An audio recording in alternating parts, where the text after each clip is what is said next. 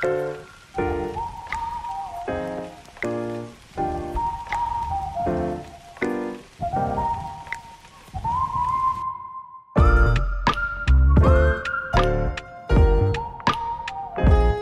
kembali lagi dalam episode terbaru dari podcast udah niat podcast yang masih bercita-cita mengundang idol di episodenya. Jadi di episode kali ini kita sudah bersama dengan dua orang yang akan membahas tentang tema tentang drama Jepang. Sebelum kita masuk ngomongin soal drama Jepang, mungkin kita perkenalin dulu dua orang yang bareng akan diskusi kali ini malam ini. Yang pertama Mas Dando. Halo, assalamualaikum warahmatullahi wabarakatuh. Selamat pagi, siang, sore, malam, subuh, asar, maghrib, dan lain-lain. Men mencakup semua waktu ya. Mencakup semua waktu dong. Uh, ya, karena karena ini kita nggak tahu Yeah. ya yang di- mendengarkannya nanti uh, Iya. apakah pagi, siang atau sore gitu ya. betul, betul, betul. Lalu yang kedua sama kembali lagi sama Mas Arya. Halo. Hai Oke, sehat-sehat semuanya ya.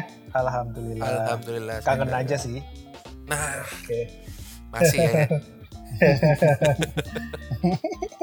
Ya ini rekaman kita buat di bulan Ramadan. Jadi mungkin bagi yang melaksanakan ibadah puasa ya selamat menjalankan ibadah puasa. Semoga nggak batal dan kuat. Jadi Kuat, biar kuat, kuat, kuat. masa kuat lah ya. Udah gede kok masa nggak masa batal puasanya. Ouch. Nah, seperti yang seperti yang dibilang tadi kan kita bakalan ngomongin soal drama Jepang nih. Mungkin kita kan dari dulu kan sudah biasa tuh nonton anime Jepang, drama Jepang, lalu tokusatsu Jepang. Bahkan kita juga di Gramedia juga baca banyak kan baca komiknya juga Jepang gitu kan. Nah, Hmm. untuk malam ini kita fokusnya ke drama. Mungkin yang lebih tepatnya drama kurun waktu ya 90 sampai 2000-an lah di masa-masa kita masih kecil gitu kan. Ini ses- sesuai dengan gitu ini kan. ya, sesuai dengan umur yang ngomong di sini ya. Udah tua-tua semua. berarti. Betul sekali. Sudah di atas kepala tiga semua Iya. kayaknya nih kita ya. Pak, Pak tiga bos. Nah, kepala tiga ya. nah, mungkin eh, sebelum kita mulai lebih lanjut ngomongin soal drama deh. Ke Dando deh. Dulu dulu Hmm. nonton drama apa tuh? Eh, kalau zaman kecil banget ya, gua tuh sebenarnya eh, nonton drama itu yang dari TV sih dulu tuh zaman-zaman gua masih di Tulungagung ya kota gua masih kecil tuh pernah nonton kayaknya Itazura Nakis ya. Terus gua juga pernah Itazura Nakis tuh kalau salah tentang kayak yang bocahnya masih muda sama yang ibu kayak ibu-ibu guru atau apa yang udah tua gitu. Itu satu yang gua inget. Itu juga udah lupa lupa inget ya. Yang kedua inget tuh yang long vacation itu si Kimura Takuya itu mungkin semua eh kalau apa seumuran kita tuh udah pernah pada nonton ya tuh long vacation ya Kak Kimura Takuya dan kawan-kawan itu dengan Oh, iya. lagu Lala Love Song yang terkenal itu. Terus kalau Oh. yang akhir-akhir ini gua karena langganan Netflix jadi ya mencoba selalu legal ya. Jadi ya nonton ya lumayan beberapa satu dua di Netflix mungkin terbatas nggak nggak update tapi ya gua masih nonton lah gitu. Oh ya, sebelum kita lebih lanjut kita ke, ke Arya dulu deh. Ya, dulu nonton apa ya? dulu tuh konteksnya berarti waktu masih kecil ya kalau waktu masih Sebelum Bocah. kuliah lah, sebelum kuliah. ya Sampai mas kuliah. kalau kalau ngitungnya bocah berarti zaman itu sebenarnya seperti yang orang Indonesia kebanyakan nonton gua tuh nontonnya berarti Osin Osin kan sebenarnya kan oh, shit. eh, Buset. itu Ya, Asadora ya, ya, ya. ya kan Asadora terus eh, selain itu masih ada lo inget gak sih ada rindu-rindu Aizawa Oh, apa itu? Hmm. ada drama-drama juga drama Jepang gitu pokoknya kayak ada cewek kecil gitu terus dia punya ayah tiri yang kejam gitulah sama ibunya yang sakit-sakitan modelnya kayak gitulah yang yang hidupnya tuh miskin gitu ceritanya terus ada lagi Tokyo Love Story yang dulu di Indosiar Tokyo kan Love Story ya, ya. Hmm. Long Vacation iya tadi sama kayak Potas kalau Itazura Nakis malah gue nggak pernah nonton Oh, tapi gue gue justru malah nonton. gue soalnya eh, waktu kecil itu tontonan gue nah nah tapi yang kalau menurut gue yang ngebawa gue ke jadi maksudnya penggem- nggak penggemar sih hmm, salah satu penikmat J drama itu drama yang pertama gue tonton itu sebenarnya Attention Please tahu nggak Ah ya ya pernah. pernah. yang Kalau tentang ini tentang kabin ada attendant apa sih Ah, Eh, pramugari pramugari Pramugari, ya. ah yang main tuh Aya Weto nah Oh. di situ tuh sebenarnya drama pertama gue yang gue tonton tuh itu Attention Please eh, Itu SMA Weto kayaknya eh 2006 sih. Ya. Ya ya ya. ya. Mm, dia tuh ada tiga, ada ada satu season dua movie ya kalau nggak salah. Pokoknya tuh Aya Weto waktu itu di situ sama eh, cowoknya tuh kalau nggak salah Nishiki Dorio sih. Dan itu emang happening banget Mhm. Jadi gua nonton nonton Aya Weto tuh di situ pertama kali dan itu awal mula gua suka banget sama Aya Weto sebenarnya di situ. Nah, habis itu baru nonton yang drama macam-macam. Yang paling berkesan, yang paling memorable kalau lu gimana apa ya? Yang tadi itu.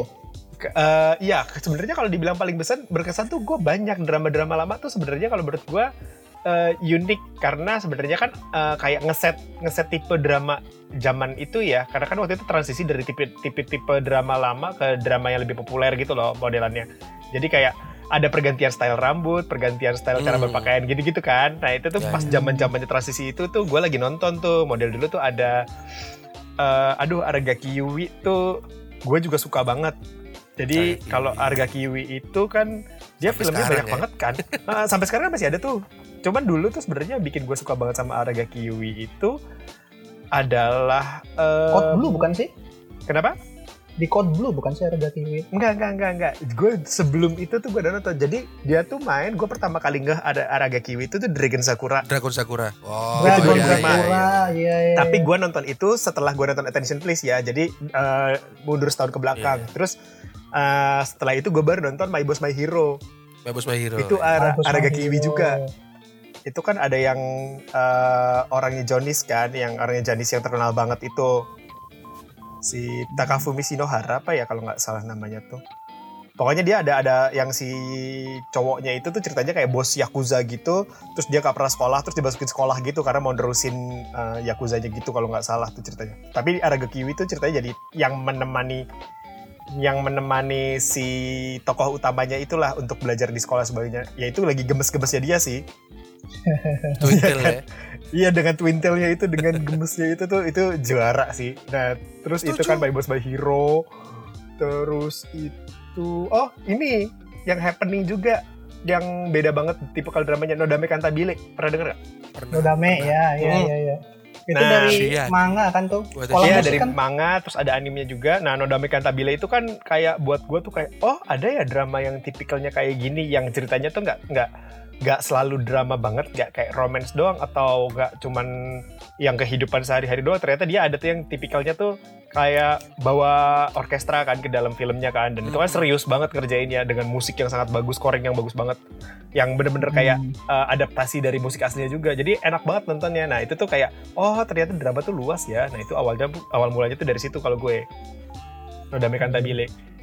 Ya selain itu ini sih drama-drama profesi. Kan juga kan kalau nonton zaman kita dulu kan kayak sinetron terus atau apa gitu kan kayak jarang yang ngebahas profesi. Ya paling kayak film-film serial bule kan yang Amrik kan yang yang banyak serial TV Amrik tuh yang kalau profesi. Tapi kan kalau di Jepang tuh dramanya itu maksudnya sisi humanisnya kan kental banget. Kayak kalau nonton Iryu lah, lu nonton Code Blue lah, lu nonton Legal High lah gitu-gitu kan kayak lebih ke arah humanisnya kan kayak gitu-gitu. Hmm. Jadi iya kalau dipikir-pikir memang zaman dulu tuh drama tuh lebih apa ya berkisar ke profesi gitu ya. Drama Hmm. tentang chef, drama tentang dokter, drama tentang pengacara, Hmm. drama tentang yang lain gitu ya. Mm-mm. Dan itu sebenarnya tema itu tuh masih banyak dibahas oleh eh, drama Jepang sampai sekarang ya masih masuk gua masih berlanjut yang ada Dokter X lah, yang ada Legal Dr. lah, X. Nah, Ah, terus ada Hanzawa Naoki kan itu kan juga sebenarnya kan hubungannya sama profesi-profesi. Ini apa? Kalian nggak inget kah yang zaman dulu tuh drama-drama kayak kayak GTO? Emang kalian nggak nonton kan? Ah, Nah. GTA gue gak nonton, asli gue Gua- gak nonton. Gua cuman kalau gua cuman eh, tahu animenya sih sebenarnya. Oh. Nah, dramanya gue cuman lihat tapi nggak mm, nggak kalau nggak kalau ngikutin banget nggak. Malah itu yang ada dokter cewek tuh eh guru cewek tuh siapa namanya yang kayak yang Gokusen. Gokusen, ya. Gokusen. gue malah melihatnya itu sih dulu tuh. Tapi Gokusen juga terkenal banget sih. Perannya Iya. si perannya si siapa sih pemeran utamanya itu tuh ikonik banget ketika dia jadi Gokusennya itu kan ketika jadi gurunya kan. Heeh. Gila sih itu. Emang emang ini banget happening. Si Yukie Nakama, Nakama Yukie I- iya, itu kan yang jadi gurunya. Jan Kumi ya, ini nama gurunya. ya. Iya, Iya, itu iya. kan ikonik banget. Setiap dia pegang pedangnya itu terus bikin kayak apa sih kayak bukan khotbah sih kayak speech gitu. Yang yang apa tuh yang memberikan pesan moral gitu ya kepada Hmm. orang lain gitu ya. Mm-mm.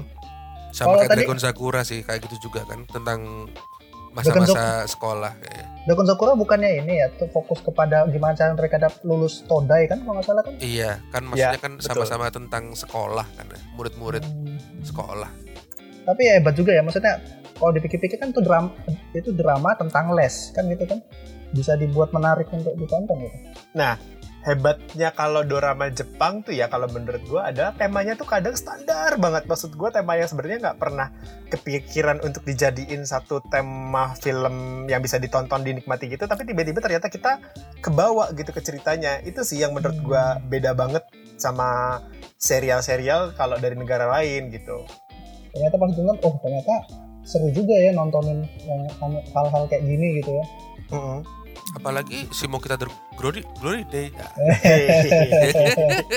oh iya itu kita ini ya apa kayak kalau lu ngebahas drama tuh kayak drama kan macam-macam ya. Ada jam prime time tuh. Kalau dulu tuh gue suka banget liatin Tokyo Hive. Eh, kalau di Tokyo Hive tuh ada kayak list rating drama gitu kan Oh iya. Nah, list rating itu kan sebenarnya kan patokan kita buat oh eh, season ini nonton apa ya? Walaupun sekarang gue udah gak ngecekin lagi sih ya karena sama kayak potas juga kan gue nontonnya via Netflix.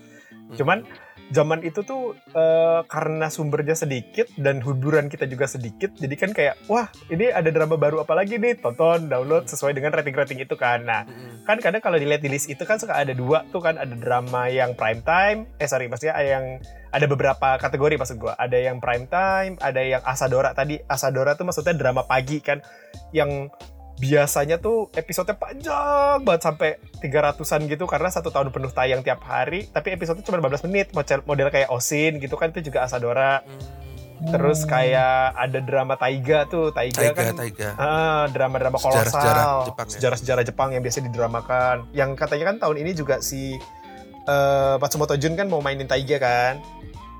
Siapa? Masuk Terus, Iya, Matsumoto Junnya Arashi. Arashi. Oh, itu tuh main Taiga tuh. Oh, oke, oke. Un- Mungkin karena setelah dia nggak aktif di Arashi Di lagi Arashi, kan, karena untuk iya. sementara waktu kan. Hmm, ya, terus. Eh, jadi kayak dia mulai mulai mau ngambil drama yang agak panjang gitu, kayaknya sih. Jadi akhirnya dia ikutan buat ke dramanya NHK nanti di tahun 2003 itu jadi Tokugawa Ieyasu. Oh, wow. Oh. Ya, Taiga itu menarik sih kalau Iya, apalagi kalau coba mungkin- episode panjang banget. ya suka sama sejarah Jepang gitu kan sama dengan samurai samurai itu menarik sih pastinya Kalau Iya. Taiga itu dia ini apa? Tayangnya uh, jam jamnya slot jam berapa gitu? Apakah pagi, siang atau sore? Biasanya? Hmm, setahu gua sih ya, nah gua tuh nggak pernah eh, nonton dramanya itu sesuai jamnya sih ya, karena kita tahu lah ya dapetnya dari Ya, mana. Kita kan masih ilegal kan. Iya. Tapi setahu gua tuh dia itu eh, hari Minggu sih. Gua lupa kayaknya jam 8 malam sih kalau nggak salah. Atau eh, dia tuh kalau nggak salah dua kali, pokoknya weekend deh, Sabtu atau Minggu gitu. Nah itu tuh biasanya sekitar 45 menitan satu episode, jadi agak panjang nggak kayak drama-drama. Eh, maksudnya nggak kayak si Asadora yang walaupun tayang tiap hari, tapi dia episodenya pendek-pendek gitu. Dia sama kayak drama yang biasa. Terus tahu gue sih gitu.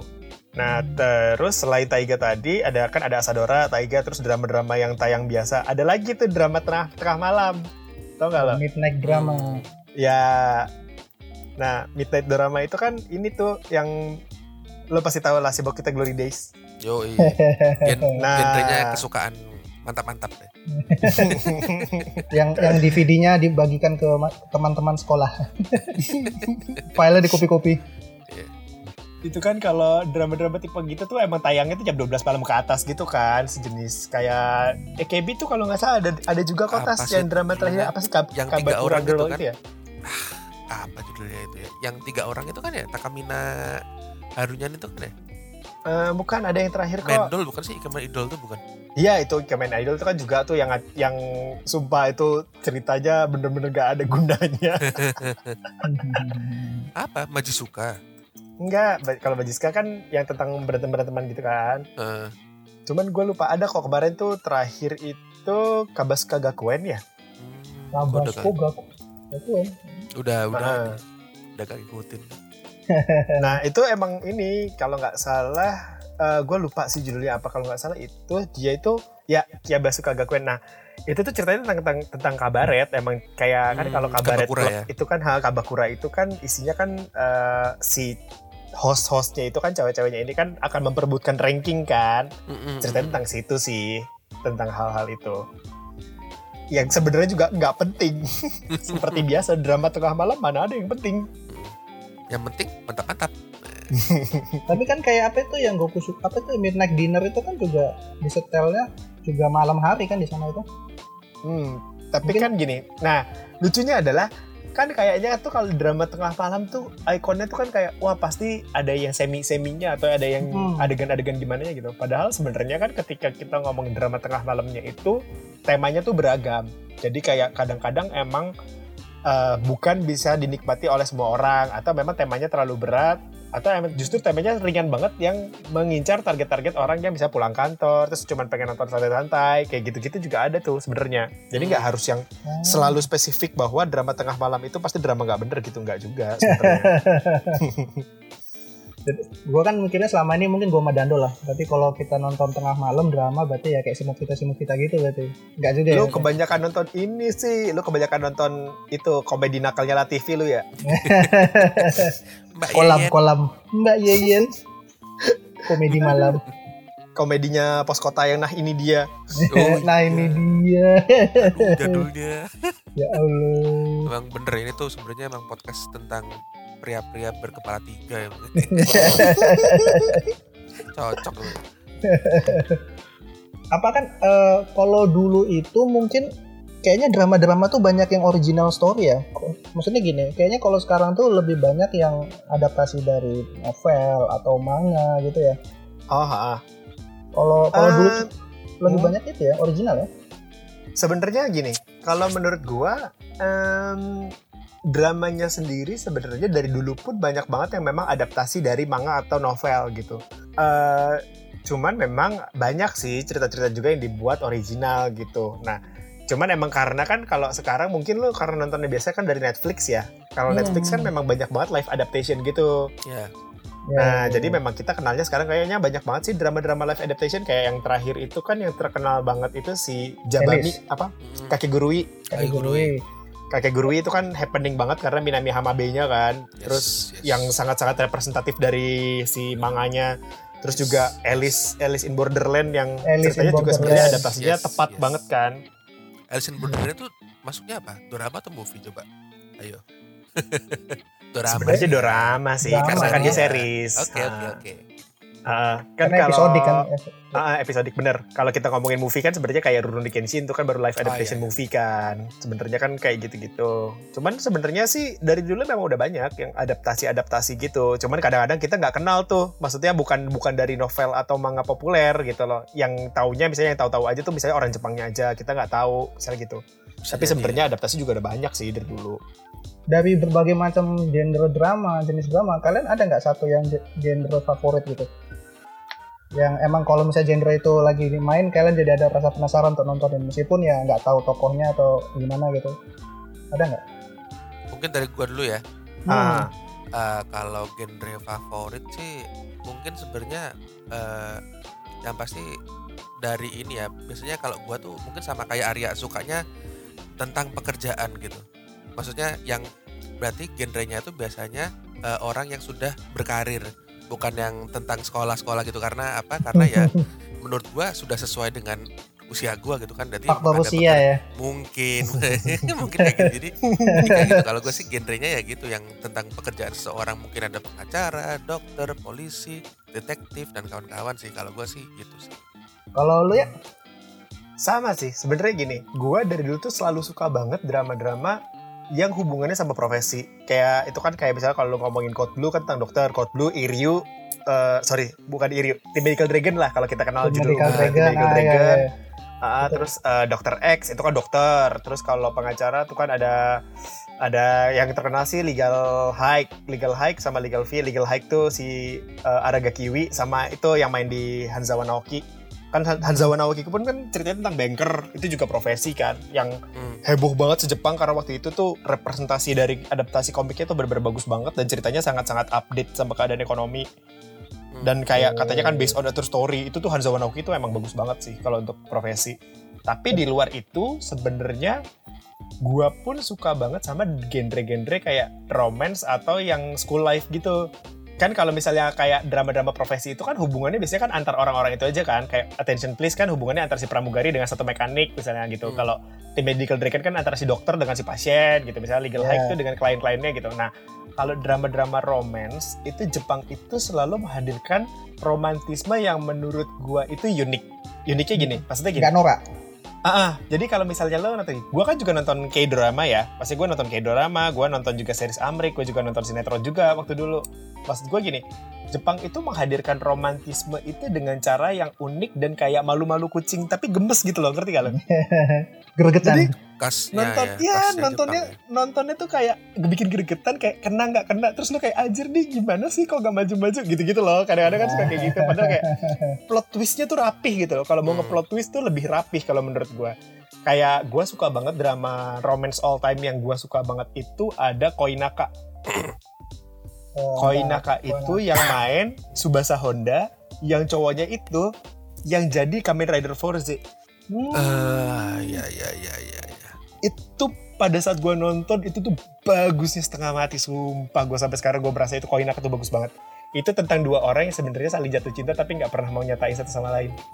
Jadi nggak pernah malu-malu. kena itu nggak pernah kena dan twistnya tuh di tengah-tengah tuh bener-bener bikin gregetan abis. Jadi ingetin Belum si lagi. Suren Cokolatir ya. Gua kira Nah, lu iya bakal itu juga tuh secara ngomongin Tapi itu kan profesi sebenarnya kan. Ya, itu ya, kayak ya, cerita. Kembali Enggak, ke itu profesi. cerita romance berbalut profesi tau nggak lo? Ngeselin tau kalau nonton itu. Hmm. Tapi emang Matsujun tuh ya kalau main tuh ya jadi Wah. apa pun dia tuh selalu aduh juara banget. Anak-anak Itu. Jones tuh kalau main drama bagus-bagus. Iya, masalahnya tuh ya kalau kita dulu lo sempat nonton ini gak sih? Tas inget gak sih Bambino? Nonton Babino. Nah, Bambino kan tentang itu tuh chef ya, tentang chef di restoran Itali gitu. Restoran Eh. Itali kan Bambino. Dari mana ya? Eh. Itu bagus banget kan maksud gue Eh. ceritanya bagaimana si Matsujun itu yang tadinya orangnya urakan bandel gitu terus tiba-tiba bisa mengejar karir untuk jadi chef terbaik nah Hmm. terus habis nonton Bambino tiba-tiba kita nontonnya Suran Cokolatir di mana dia tiba-tiba belajar belajar bikin coklat cuma gara-gara patah hati kan kampret ya Iya, iya, iya, iya.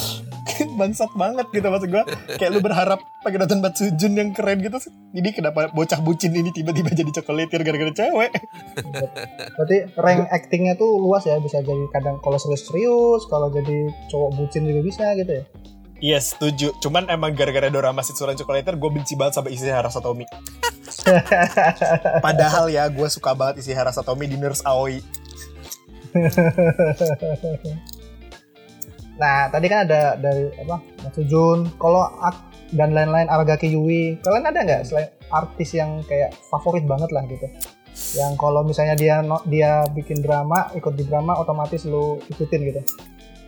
Ada nggak? Arya, Coba dulu tas. Apa gue dulu? Oke. Lu, lu, lu. Nah, Hmm. ya wes. Kalau gue tuh ya, eh gue tuh ya sekali lagi karena gue emang suka banget sama idol, jadi gue pasti biasanya artis kesukaan gue pasti banyak kan cewek sih. Tapi kalau dibilang all time favoritnya satu doang gue nggak bisa juga karena gue ada beberapa orang yang gue pasti tonton. Misalnya kayak Araga Kiwi jelas. Kalau misalnya Araga Kiwi main drama gue pasti akan nonton. Karena dari dulu gue suka nonton dia tuh kayak ya tadi Dragon Sakura lah, terus My Boss My Hero lah itu jadi gue selalu nonton Code Blue segala macem. Terus nonton ini juga kayak eh, si tadi harusnya isi Hara Satomi tuh karena gue juga sebenarnya awal-awal mula kenal dorama tuh juga gara-gara Nurse Aoi tapi sejak sesuai Chocolater gue jadi males padahal ya dia tuh ya main di satu drama itu bagus banget bareng sama aduh yang main di King Kong tuh siapa bun eh siapa Bon namanya Siapa? ya? yang King Kong Ko- apa Kong versus Godzilla Oh ini siapa? Eh, apa tuh yang, Aduh, Gintama, Gintama, Gintama. iya Cewek cowok. Cowok, yang cowok cowok. cowok cowok Yang pilotnya Mecha Godzilla. iya Sunoguri. Iya, Ah, Sunoguri. Iya, Ogurisun. Dia tuh ada satu main film sama Ogurisun. Dulu si Sarah Sotomi tuh. Dan itu bagus banget. Apa? Yang mana? Ada yang eh, OST-nya itu ini Niwa, Rich Man Poor Woman.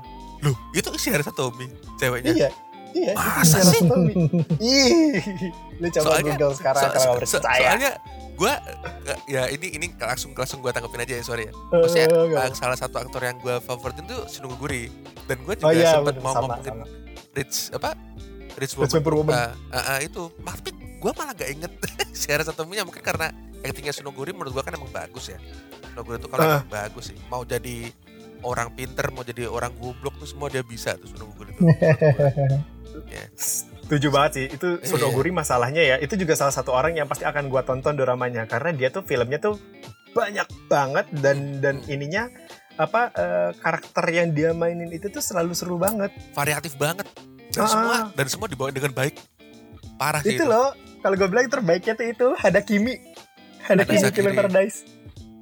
Anak ini tuh Eh. yang ini bukan sih yang yang ke sekolah yang cewek ke nyamar Iya. ke sekolah cowok. Iya, Ya, si Uh, kan di situ kan sebenarnya kan kalau kita cowok nonton Hadakimi kan aneh banget ya. Iya. Kayak isinya tuh cowok-cowok ganteng terus ada satu cewek yang nyamar jadi cowok untuk gabung ke sekolah uh, khusus cowok karena naksir banget sama si Ogurisunnya ini kan ceritanya.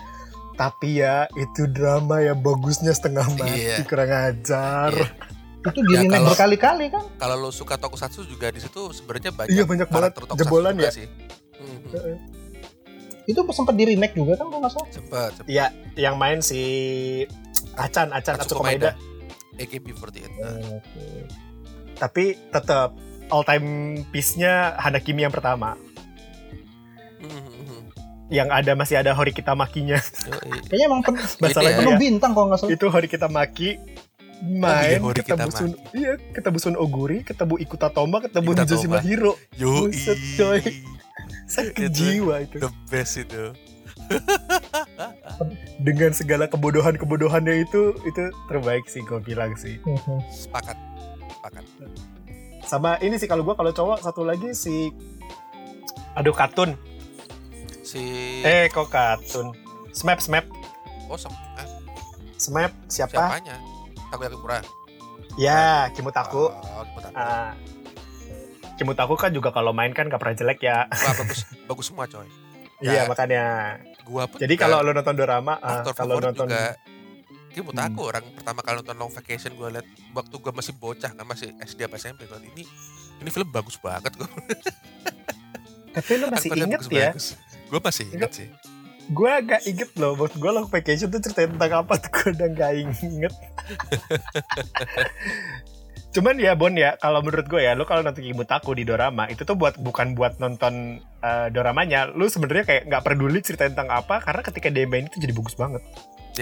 Sebenarnya Kimutaku juga mungkin punya gaya sendiri sebenarnya di semua tipe karakternya. Tapi ya maksudnya oh ini ini Kimutaku Kimutaku banget itu tapi memang dia bisa membawakan dengan yang lain dengan yang baik sih menurut gue Mm, betul setuju Kalau lu dong, Kalau gua, Hmm. oh ya, oke. Tadi sih ya udah disem- udah disebutin sih kalau yang cowok-cowoknya Kimutaku, Sunoguri, terus juga ya memang apa ya menurut gua eh, apa eh, Jonis ya, Jonis itu menurut gua eh, bagus-bagus sih ini dramanya. Kayak orang-orang Arashi, Katun juga menurut gua bagus sih dramanya. Terus eh yang kemarin apa? Yang kemarin meninggal bunuh diri itu juga bagus tuh. Eh, kan ada aktor yang meninggal bunuh bunuh diri itu kan, oh ini yang main di Attack. Samurai Attack on Titan. Ah, Attack of Titan itu itu itu menurut gue juga Hmm. sebenarnya bagus itu. Ya sayang sekali ya, namanya juga hidup ya. Iya. Ya, masalahnya untuk Ya? Eh, masalahnya kan tekanan ininya kenceng banget ya dia maksudnya sayang sekali padahal doramanya kan banyak banget ya banyak dan bagus-bagus. Haruma Miura Ya, Muramura, ha, betul. Yang gua suka itu samurai apa tuh yang dia kemasukan Sa Yosetsune itu? Eh Yosetsune ya? Samurai apa namanya? Samurai High School, Samurai High School. Ah. Itu itu gua nonton itu. Itu itu itu lucu itu, lucu. Sama ini eh, dia tuh juga main di eh yang hacker itu tuh apa namanya? Bloody Monday. Bloody Monday. mencari Ya oh ya ampun. Bloody Monday benar benar, Ah, benar. Nah, itu itu juga juga suka di situ. Terus kalau yang karakter cewek ya Aragaki Yui. Sudah jelas kenapa? Karena imut dan bagus dan cantik. Dan oh lo gak suka model-modelan kayak eh, Ayah Ueto gitu. Gue Ayah Ueto suka banget juga sih. Ah, itu gua enggak sih. Kurang ya? enggak bukan, ya, se- bukan selera berarti ya. Ya oh, ya oke next itu sama ini karena gua suka idol-idolan kayak AKB atau Mori Musume jadi ya gua eh, biasanya nyari sih kalau mereka main apa. Tapi kebetulan biasanya gua ngeliat kalau dramanya idol-idol cewek itu buat gua kayak ah gini doang gitu. Entah kenapa ya mungkin karena cuman menjual fan service ya jadi kayak ceritanya tuh kurang deep gitu sih. Ya kayak Majizuka Gakuen terus Mendol itu menurut gua hmm, ya cuma oke next gitu aja sih iya karena ya mungkin yang dijual cuma fan service-nya itu sih Hmm, sayang sih. sayang sayang Sayangnya. iya. sayangnya sih Kalau ini lu gak suka tas eh Nagasawa Masami. hmm, apa tuh Nagasama Nagasawa Masami Yang mana itu tuh? di Dragon Sakura ada. Hmm, Terus apa ya yang terkenal dia banyak sih sebenarnya terkenal banget di dia mah. Tapi memang dia itu kebanyakan ah, memang iya, iya. eh, cerita-cerita Summer Note itu bagus banget. Astaga gue baru inget tuh kan. The Summer Note kan main kayak tadi lu sempat bahas kan mengenai Jonis kan. Di situ kan ada Yamapi juga tuh Hmm, mau hmm, bisa hmm. oh ya maaf ya. Yamapi buset itu di Summer Note ya astaga. Tapi gue emang ya suka banget sama drama tentang romance apalagi mendekati summer. Karena buat Jepang ya buat Jepang tuh itu tuh summer tuh kayak seasonnya jatuh cinta Oh iya kan, benar benar benar. Ya kan Romance jadi season. semua cerita romance itu bagus banget tuh Hmm. kalau pas lagi di summer Iya. bisa membuat orang-orang yang sudah tua seperti kita merasakan wah ini lucu juga ya masa muda ya iya so jadi kayak ya ampun kok jodoh gue nggak begini ceritanya Jadi agak sedikit salty kadang-kadang kalau nonton drama romantis. yo Kenapa dulu gak begini? Tapi gue sampai sekarang ya jodorama Iya, maksudnya gue sampai sekarang ya, mas gue kayak eh, kan kita sebenarnya kan kalau UNC itu apa sih? Taman bermain. Hmm, Taman bermain kan sebenarnya kalau di di Jakarta kan cuman ada Dufan ya, maksud gue. Makanya kan dari dulu sebenarnya gini, ketika gue punya pacar itu gue selalu selalu pengen kayak pengen nih pacaran di taman bermain gitu kayak di Dufan gitu. Kalau di Jepang kan banyak banget kan ada Disneyland, ada Tokyo, eh, eh, ada macam-macam lah gitu segala macam. Nah, maksud gue eh, di Jakarta tuh kan kita cuma punya Dufan. Jadi kadang-kadang gue tuh kayak selalu pokoknya gue eh, setelah punya pacar, gue pengen ke Dufan ah pada saat itu lagi zaman-zamannya nonton drama dan beneran kejadian dan gue lakukan kayak gue ke Dufan di akhirnya sama pacar gitu cuman buat mewujudkan impian pacaran ke taman bermain. Dan sesuai ekspektasi nggak seperti rasanya di drama atau gimana? Iya, at least nggak tempatnya nggak sebagus itu, tapi iya gue mengerti kenapa eh, taman bermain adalah taman yang cocok buat dijadikan buat kayak Date. salah satu rencana buat ngedate gitu loh. Hmm. Asalkan lo tau lah, maksud gue kayak ekspektasinya, oh iya jangan misalnya lu ngajaknya ke Dufan tapi lu nggak bisa ma- naik macam-macam kan goblok juga. Bunuh diri Bahkan sih itu namanya situ- di situ dong. lucunya kan mau kita mau sok keren begitu mau naik yang tinggi-tinggi keder Vertigo. diketawain sama pacar Dibodoh-bodohin nanti. Cuman main di ini aja di parkiran. Nggak cuman lu ngeliatin dari bawah, terus pacar lu naik sendirian gitu. Dada-dada. kan nggak mau kayak gitu kan. Iya.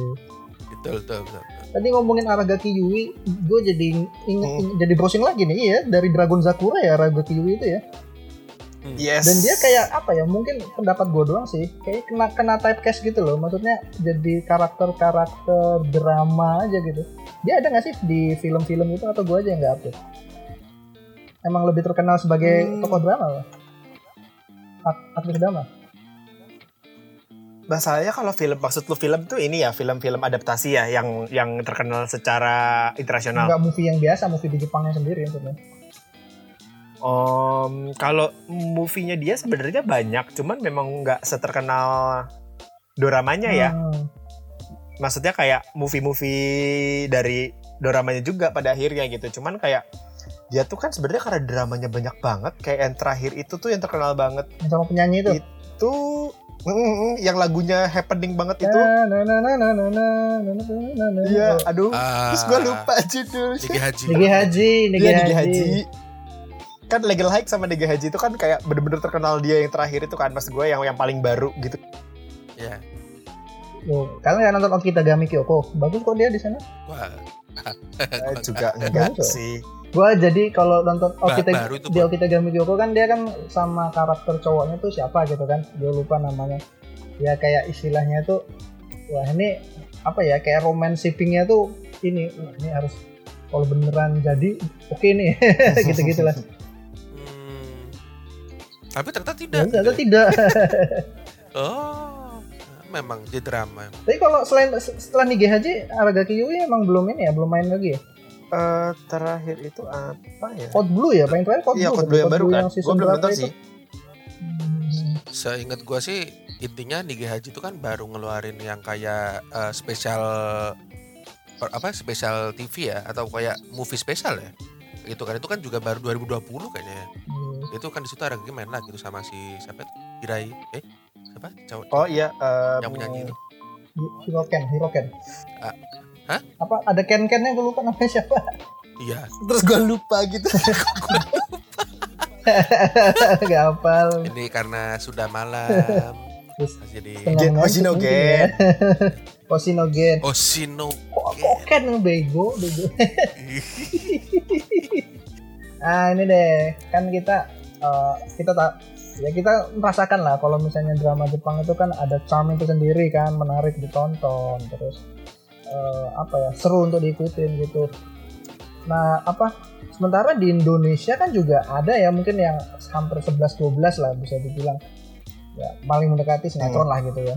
Nah kalau menurut lu nih yang apa kenapa lu suka drama Jepang kenapa lu nggak suka drama eh, sinetron Indonesia Ada dulu. Oke, mungkin ini lebih em, lebih ke kenapa lebih suka drama Jepang daripada sinetron gitu ya. Kalau gue sih Boleh. soalnya gini, eh, sebenarnya kan kita semua sebagai bocah-bocah yang lahir di Indonesia kan besar dengan sinetron ya, sinetron episode panjang yang kayak dulu kan Heeh. Tersanjung lah ya sampai berapa Tersayang. ribu episode, Cinta Fitri sampai berapa ribu episode, terus kayak ada Bidadari lah, ada serial-serial bocah juga yang macam kayak dulu Anak Ajaib lah, Gerhana sebagainya lah gitulah, ya kan?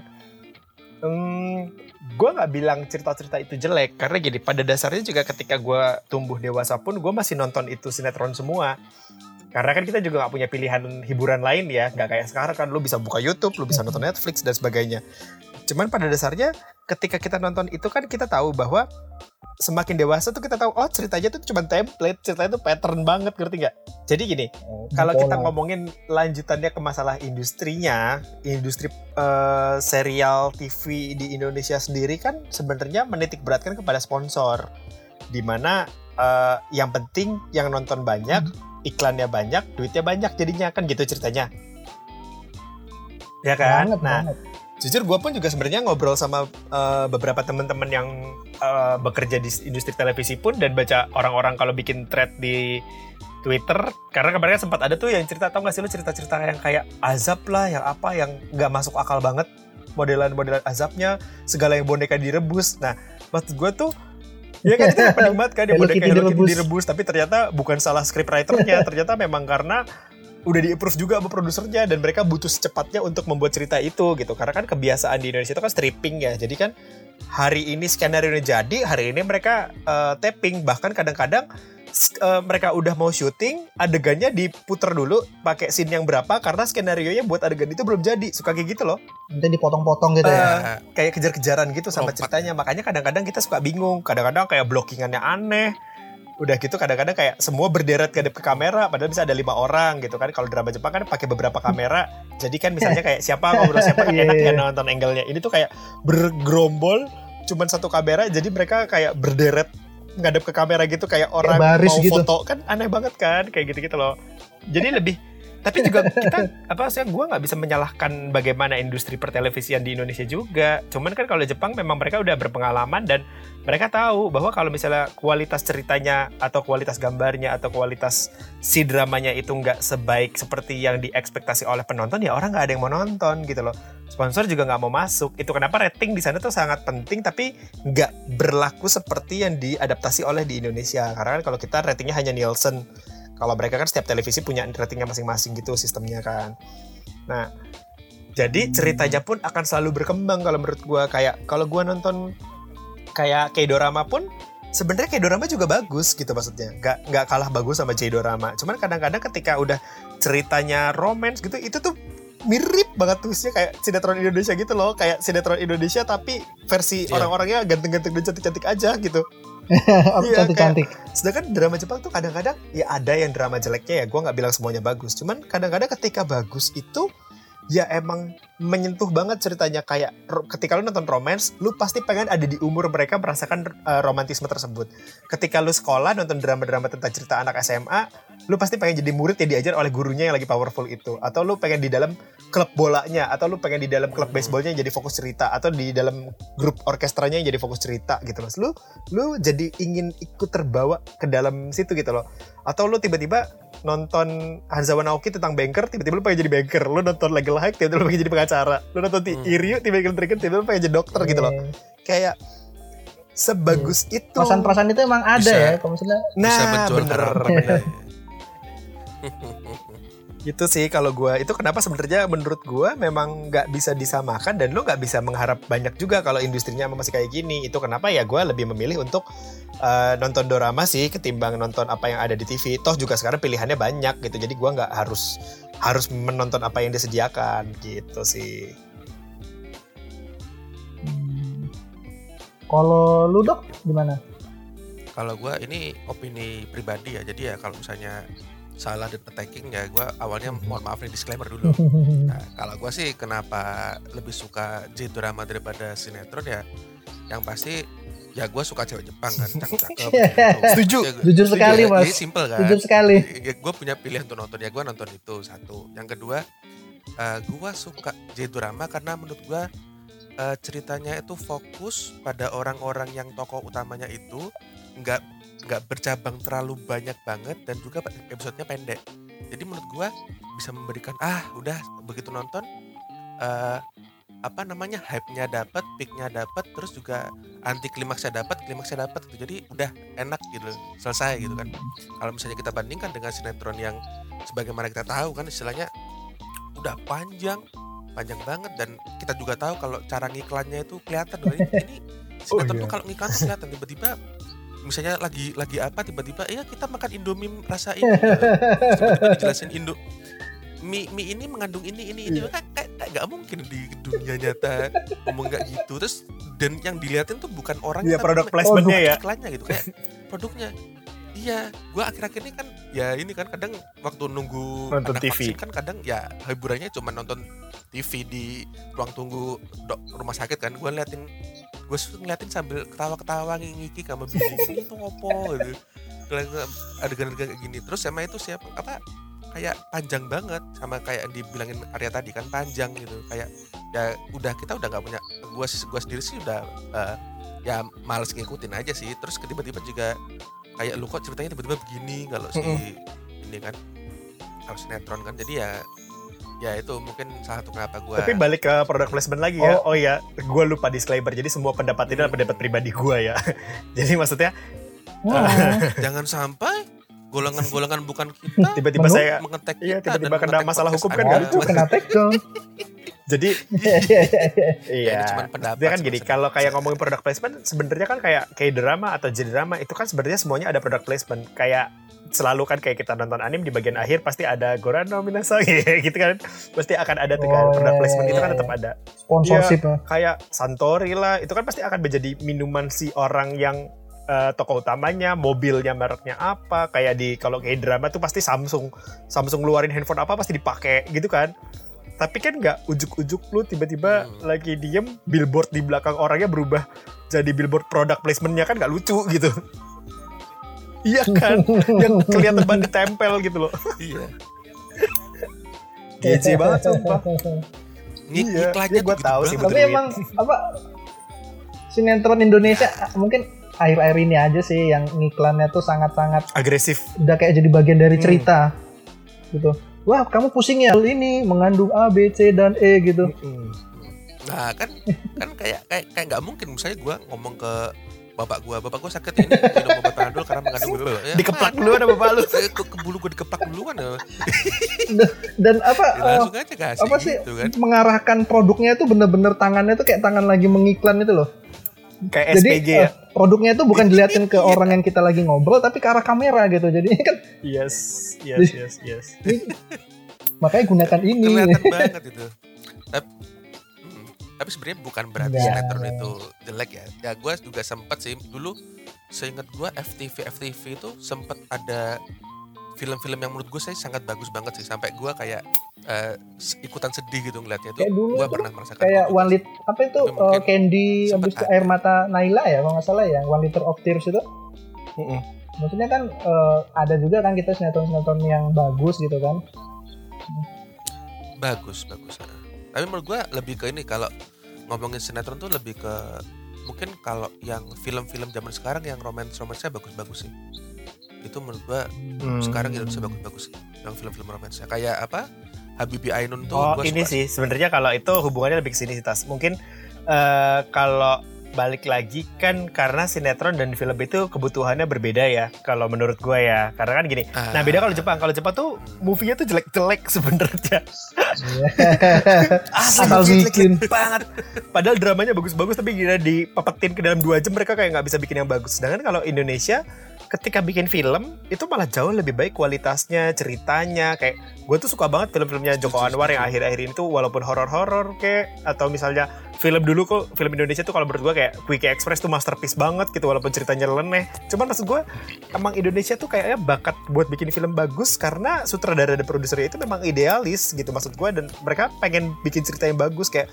film-filmnya Ernest kan bagus-bagus film-film Joko Anwar bagus-bagus gitu maksud gue ya, iya kayak gitu-gitu Kayak toko loh. ya. nah tapi kan balik lagi ketika Bagus. kita ngomongin per televisian kebutuhannya akan berbeda mereka butuh hiburan pendek yang dinikmati oleh mayoritas ibu-ibu kan nah Nah, terus Mhm. karena mayoritas Hmm. penontonnya ibu-ibu sebenarnya kan kalau misalnya lu perhatikan ya kalau lu terus sinetron iklannya adalah kebanyakan consumer goods pen eh sorry eh, sampo lah Hmm. odol lah sabun lah eh, indom apa eh, mie instan lah segala macam gitu-gitu kan obat Ah, obat-obat yang di mana itu digunakan Hmm. oleh keluarga.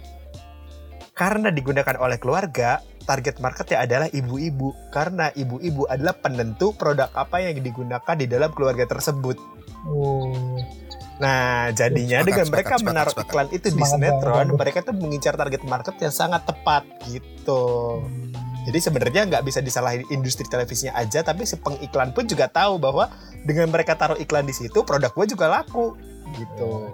marketnya sudah gitu kok ngapain eh, effort lebih mungkin seperti itu atau ya atau mengeluarkan alternatif cerita yang lebih serius lebih rumit gitu kalau yang seperti Mm-mm. ini saja udah bisa meningkatkan penjualan gitu mungkin ya Mm-mm. Karena kan kalau misalnya lo ngomongin iklan kan iklan macam-macam kan. Ada iklan YouTube misalnya kayak gitu kan. Kalau iklan digital marketing itu tipenya kan sebenarnya bisa lo spesifik tembak eh, orang-orang yang menggunakan produk-produk tersebut, target market tersebut, umur-umur tertentu kan gitu ceritanya. Tapi kan ketika lo ngomongin iklan televisi itu kan spesifik banget ya nonton pasti mama mana ada umur-umur kayak kita nontonin eh, sinetron gitu maksud gua loh. Kayak sedangkan dibalik emak-emak Betul, juga betul. jarang banget kan nontonin kayak Netflix, YouTube atau ngebukain detik.com kan jarang gitu loh. Jadi kayak buat apa consumer goods ngiklan di ya, YouTube kebanyakan di mana target market mereka sedang nonton TV gitu. Walaupun ya nggak maksud gua nggak secara serta merta begitu juga sih, tapi memang target marketnya ada ya udah gua ngiklan di situ aja gitu. Yap, yap. jadi inget lagi nih kan zaman dulu itu kan waktu kita masih SD SMP SMA sampai kuliah lah mungkin kita tuh kan di stasiun televisi kita tuh kan juga sering tuh men- apa tuh menyiarkan drama Jepang ya kayak Tokyo Love Story atau apa tuh Winter Sonata tuh Jepang bukan Winter Sonata. Itu Korea. Korea ya kayaknya A- K deh. atau yang kayak GTO kok Ah. nggak salah sempat ada kan Ya GTO pernah ada di Tazura no Kiss tuh juga ada gitu kan maksudnya Ya, yang lama, Itazura no Kiss yang lama. yang tahun 96 ya bukan yang Mm-mm. 2013 Lu kalau inget tuh ini zaman dulu tuh suka drama Taiwan. Putri Wanzu Metro Garden. Putri Meteor Wanzu Garden coy. Putri Wanzu juga. ya maksudnya di dulu tuh kita banyak lah maksudnya bisa menonton drama-drama seperti itu tapi kalau kita ngelihat ke sekarang itu sudah mungkin cuman tinggal di RTV kali ya kalau mau nonton drama Jepang ya Hmm, iya kayaknya ya. Tapi gue juga gak tahu sih yang tayang di RTV itu apa aja selain Tokusatsu dan eh, Ultraman gitu-gitu ya kalau nggak salah ya. Yang di RTV itu. Tokusatsu ya di RTV gitu Hmm. Kalau drama gue nggak tahu ya. Tapi yang gue tahu terakhir itu kemarin yang kayak drama yang banyak apa sih Gimana? The World of Marriage itu ya Kalau baru ditayangin kan. Waku-waku Jepang tuh Kenapa? ada nggak sih drama? Waku-waku Waku- Jepang tuh masih ada nggak sih? Waku Waku Japan masih, Kayaknya tapi kan ada eh, Waku Waku Japan kan berbayar. bukan Pasti TV televisi nasional kabel. bukan TV nasional Bukan bukan Oh free to iya air iya TV. iya iya iya iya. Oke oke. Hmm, kalau sekarang sih kayaknya nggak sebanyak dulu ya Bon karena gini pertama eh, kalau misalnya lu ngambil drama dari luar Indonesia itu kan mesti bayar lisensi ya Hmm. Sedangkan biasanya itu eh kalau nggak apa kalau drama itu kan nggak bisa di product placement kayak sinetron gitu loh. Oke betul. Ah, ah, jadi kalau sekarang tuh kayaknya memang lebih banyak Hmm. sinetron yang in house in house tuh maksudnya eh, sorry bukan in house lokal Em, ya maksudnya buatan lokal bukan in house sih. Karena kan kalau sekarang sinetron juga dibikinnya oleh production house. Production house ini nanti jual ke stasiun TV sistemnya kayak gitu. Nah biasanya bahkan si production house-nya itu yang punya juga televisi itu juga ngerti nggak? Jadi kayak anak perusahaan gitu sistemnya. Multivision plus gitu gitu ya? Apa? ya? Semacam itulah. Ada sinem art lah kalau lu tahu zaman dulu tuh kayak gitu-gitu loh. Nah jadi eh, hitungannya jadi lebih murah dan lebih efisien dan ceritanya tuh bisa dibuat sesuai dengan kebutuhan stasiun televisi juga. Sedangkan kalau drama pertama mesti beli. Ada acquisitionnya di situ. Itu prosesnya lebih panjang ketika ditayangin pun belum tentu selaku kayak kalau lu jualan sinetron. Hmm. jadi kalau gua rasa sebenarnya bukan bukannya nggak mau beli gitu. UUD uang. Iya, bukannya nggak mau bukan bukannya nggak mau nayangin. Paling kalau misalnya Tapi emang heboh banget tuh kayak dulu kemarin kenapa gitu. ada maksudnya apakah karena dulu tuh lagi mencari masa Karena dulu kan peminatnya memang ada yang nonton. Kalau sekarang kan balik lagi, balik lagi ke rating. Kayak umur-umuran sekitar emang masih ada yang nonton TV, Bon. ya itu yang orang-orang nunggu di ruang tunggu Iya, maksud vaksin gua kan kebanyakan adalah orang-orang yang memang di rumah. Bahkan di rumah pun itu yang lucunya gini, kalau kita lo ngomongin industri televisi, sebenarnya secara rating itu kan diambilnya tuh nggak semua orang yang nonton, tapi beberapa sampel yang dikontrol oleh Nielsen untuk mengirimkan dia nonton seharian ini nonton apa aja sih gitu. Jadi nggak Hmm. nggak nggak seluruh masyarakat Indonesia gitu. Jadi ada sampelnya. Nah, sedangkan kebanyakan eh, rating ini tuh bekerja dari tadi yang nonton televisi itu siapa gitu kan. Maksudnya eh, televisi itu kan nggak nggak tahu televisi itu yang nonton tuh siapa umurnya berapa lokasinya doang paling tahu kan. Tapi kan televisi nyala mau lu tonton mau lu enggak kan nggak nggak tahu ya. Maksudnya Nielsen kan cuma ngebaca bahwa oh stasiun TV ini lagi ditonton sama sekian juta orang misalnya gitu. Nah masalahnya kebanyakan yang nonton tadi kalau nggak mama atau misalnya kayak asisten rumah tangga yang ada di rumah. Asisten, iya. asisten.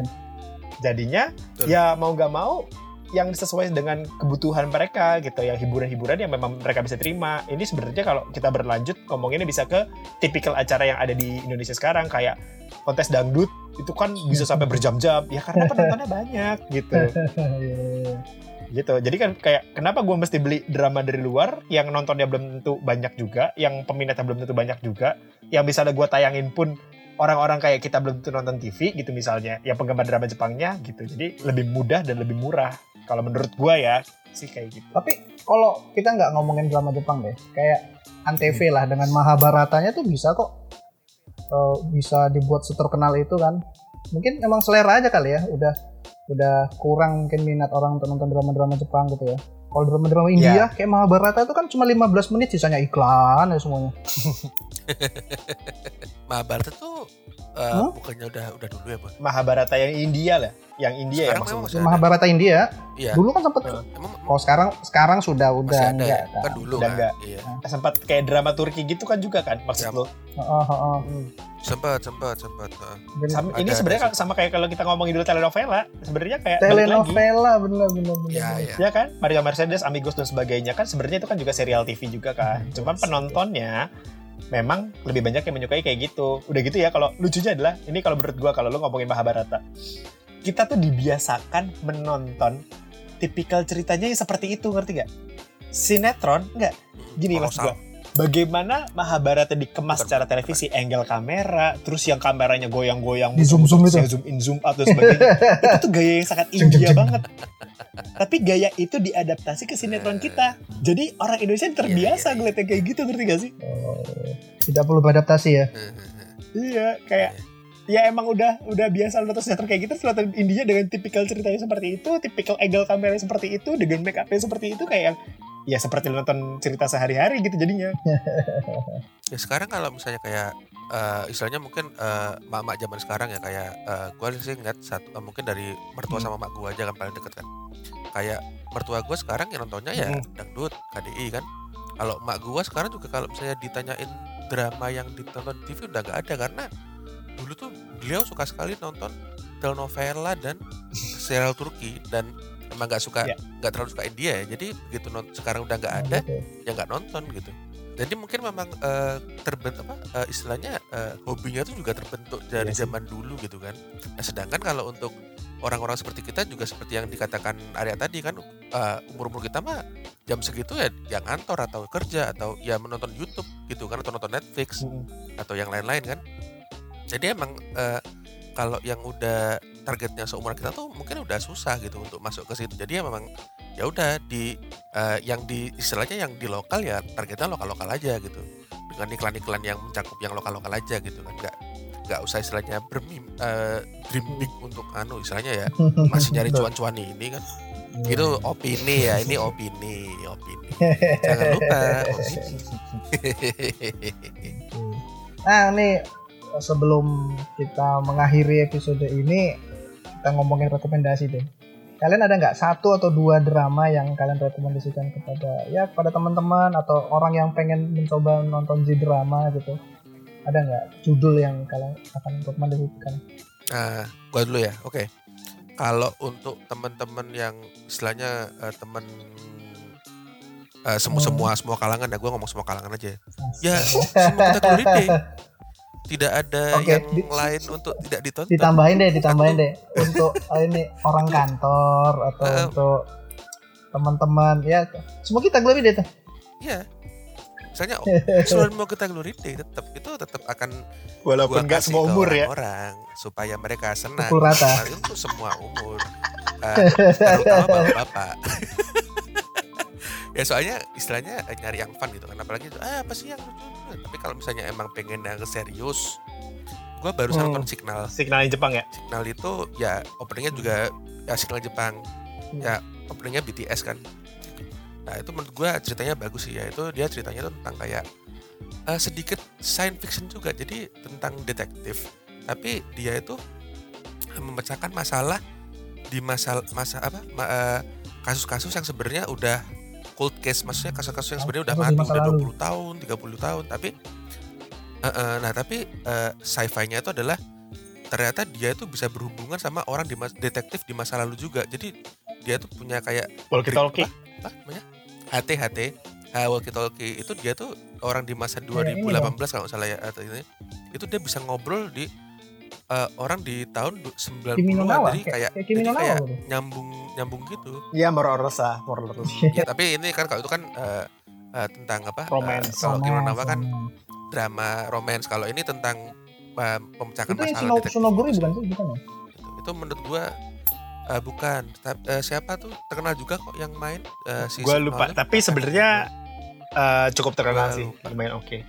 di Netflix ada kalau mau coba nonton itu sama gua kemarin itu nonton eh, yang barusan gua tonton tuh di Netflix di drama itu I Am Home yang main iya. Kimutaku itu juga lumayan menarik ceritanya menurut gua karena eh, jadi ceritanya tuh Kimutaku itu kayak hilang ingatan jadi dia tuh adalah seorang apa ya eh, pekerja pekerja pekerjaannya tuh kayaknya kayak dia tuh eh, manajer suatu perusahaan sekuritas mungkin ya, atau investasi kalau salah tapi dia tuh kayak hilang ingatan karena suatu kejadian terus dia tuh lupa sama dia tuh ketemu sama keluarganya tapi dia tuh kok nggak bisa melihat muka gitu. keluarganya. Jadi kayak muka anak dan istrinya yang sekarang itu kayak pakai topeng gitu.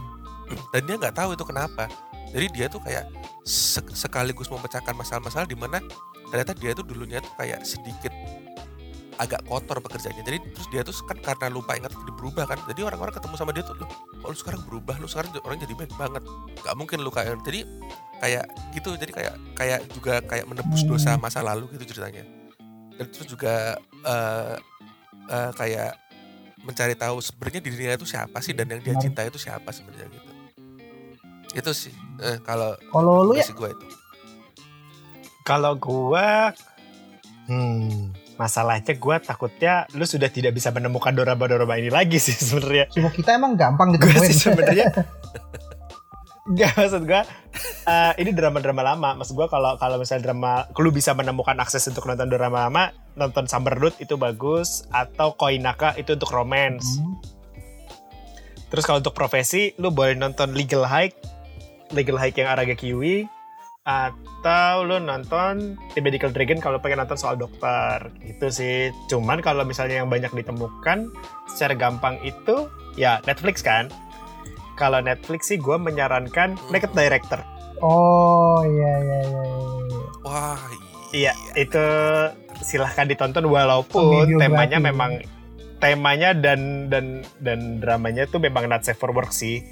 Cuman itu ceritanya sangat bagus di mana ngebahas tentang bagaimana industri adult video di Jepang itu bisa terbangun seperti sekarang. Jadi lebih kepada kayak semacam populer dokumenter sih sebenarnya adaptasi populer dokumenter gitu sih kalau menurut gue ya gue jadi inget kalau ngomong naked director tuh kalau nggak salah lu juga ngerekomendasikan gue soal itu pas puasa deh ya enggak dong iya. masa pas puasa iya, iya, iya.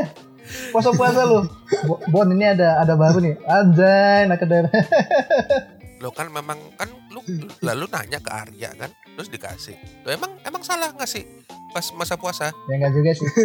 enggak kan, kan tidak ya, kan ditontonnya enggak harus pas siang-siang kan. Harusnya sekali. ada ketika itu masalah apakah saya kuat untuk menahannya atau tidak. Kembali ke saya itu. Tapi itu bagus sih. Tapi bagus banget maksud gue Naked Director itu bagus, bagus membahas bagus, tidak bagus, hanya bagus. dari sisi yang uh, apa mengarah ke adult content tapi memang secara dokumentasi dia pun bagus mengemasnya gitu loh. Nah kalau di Netflix sih sekarang pilihan cukup banyak, cuman kalau gue merekomendasikan itu atau mungkin kalau yang lain-lain boleh silahkan tonton film-filmnya Kimura Takuya atau uh, Legal V atau Dr. X itu juga oke okay, sebenarnya. Dr. X. Maksud gue kalau ada Netflix kan silahkan ditonton gitu, lebih mudah. Oh ya? Bagus sih. Gue seneng tuh sama Dr. X. Seru banget itu seru banget. gue kasih nonton. Iya. Yeah. bagus yeah. ini. Oke, mungkin kita akhiri dulu deh episode kali ini terkait dengan drama. Soalnya kalau kita ngomongin drama kan mungkin ya nggak bakalan habis lah karena emang banyak kan judul-judul yang menarik untuk kita bahas gitu kan. Mungkin mau nambahin oh. aja sih sebagai penutup. Yes. Um, mungkin bagi teman-teman yang belum pernah nonton uh, Japanese drama mungkin akan agak kaget dengan bagaimana ceritanya dibangun karena biasa pace-nya akan lebih lambat dibandingkan dengan K-drama yang banyak twistnya. Tapi percayalah, J-drama itu ketika lo menemukan satu judul yang tepat buat lo tonton, lo akan ketagihan untuk nonton itu. Dan ada ada kata penutup juga? Sepakat, sepakat, sepakat, sepakat. Udah macam iya. meeting zoom bapak-bapak di kantor. oh, karena pada karena eh, pada intinya sebenarnya sama kayak Arya kasih kayak intinya eh, kalau lu klik ya lu ntar bakal suka gitu. Gak, gak usah dipaksain sih. Uh, tapi yang pasti kalau kelebihan J drama menurut gua sih uh, ceritanya itu terfokus dan uh, apa namanya jumlah episodenya nggak banyak jadi istilahnya tidak memakan waktu yang banyak lah untuk nonton dan pastinya menghibur Sip. Sih. Itu Oke kalau gitu beneran kita tutup dulu episode kali ini. Thanks ya buat Dando sama Arya yang bisa share soal tentang drama Terima kasih sama-sama. yang, yang sangat luar biasa luas. Gue sendiri Bali Bon mungkin episode ini kita tutup saja. Sampai jumpa di episode selanjutnya. Bye bye. Bye. Saraba. Wakatomo ハハハハ!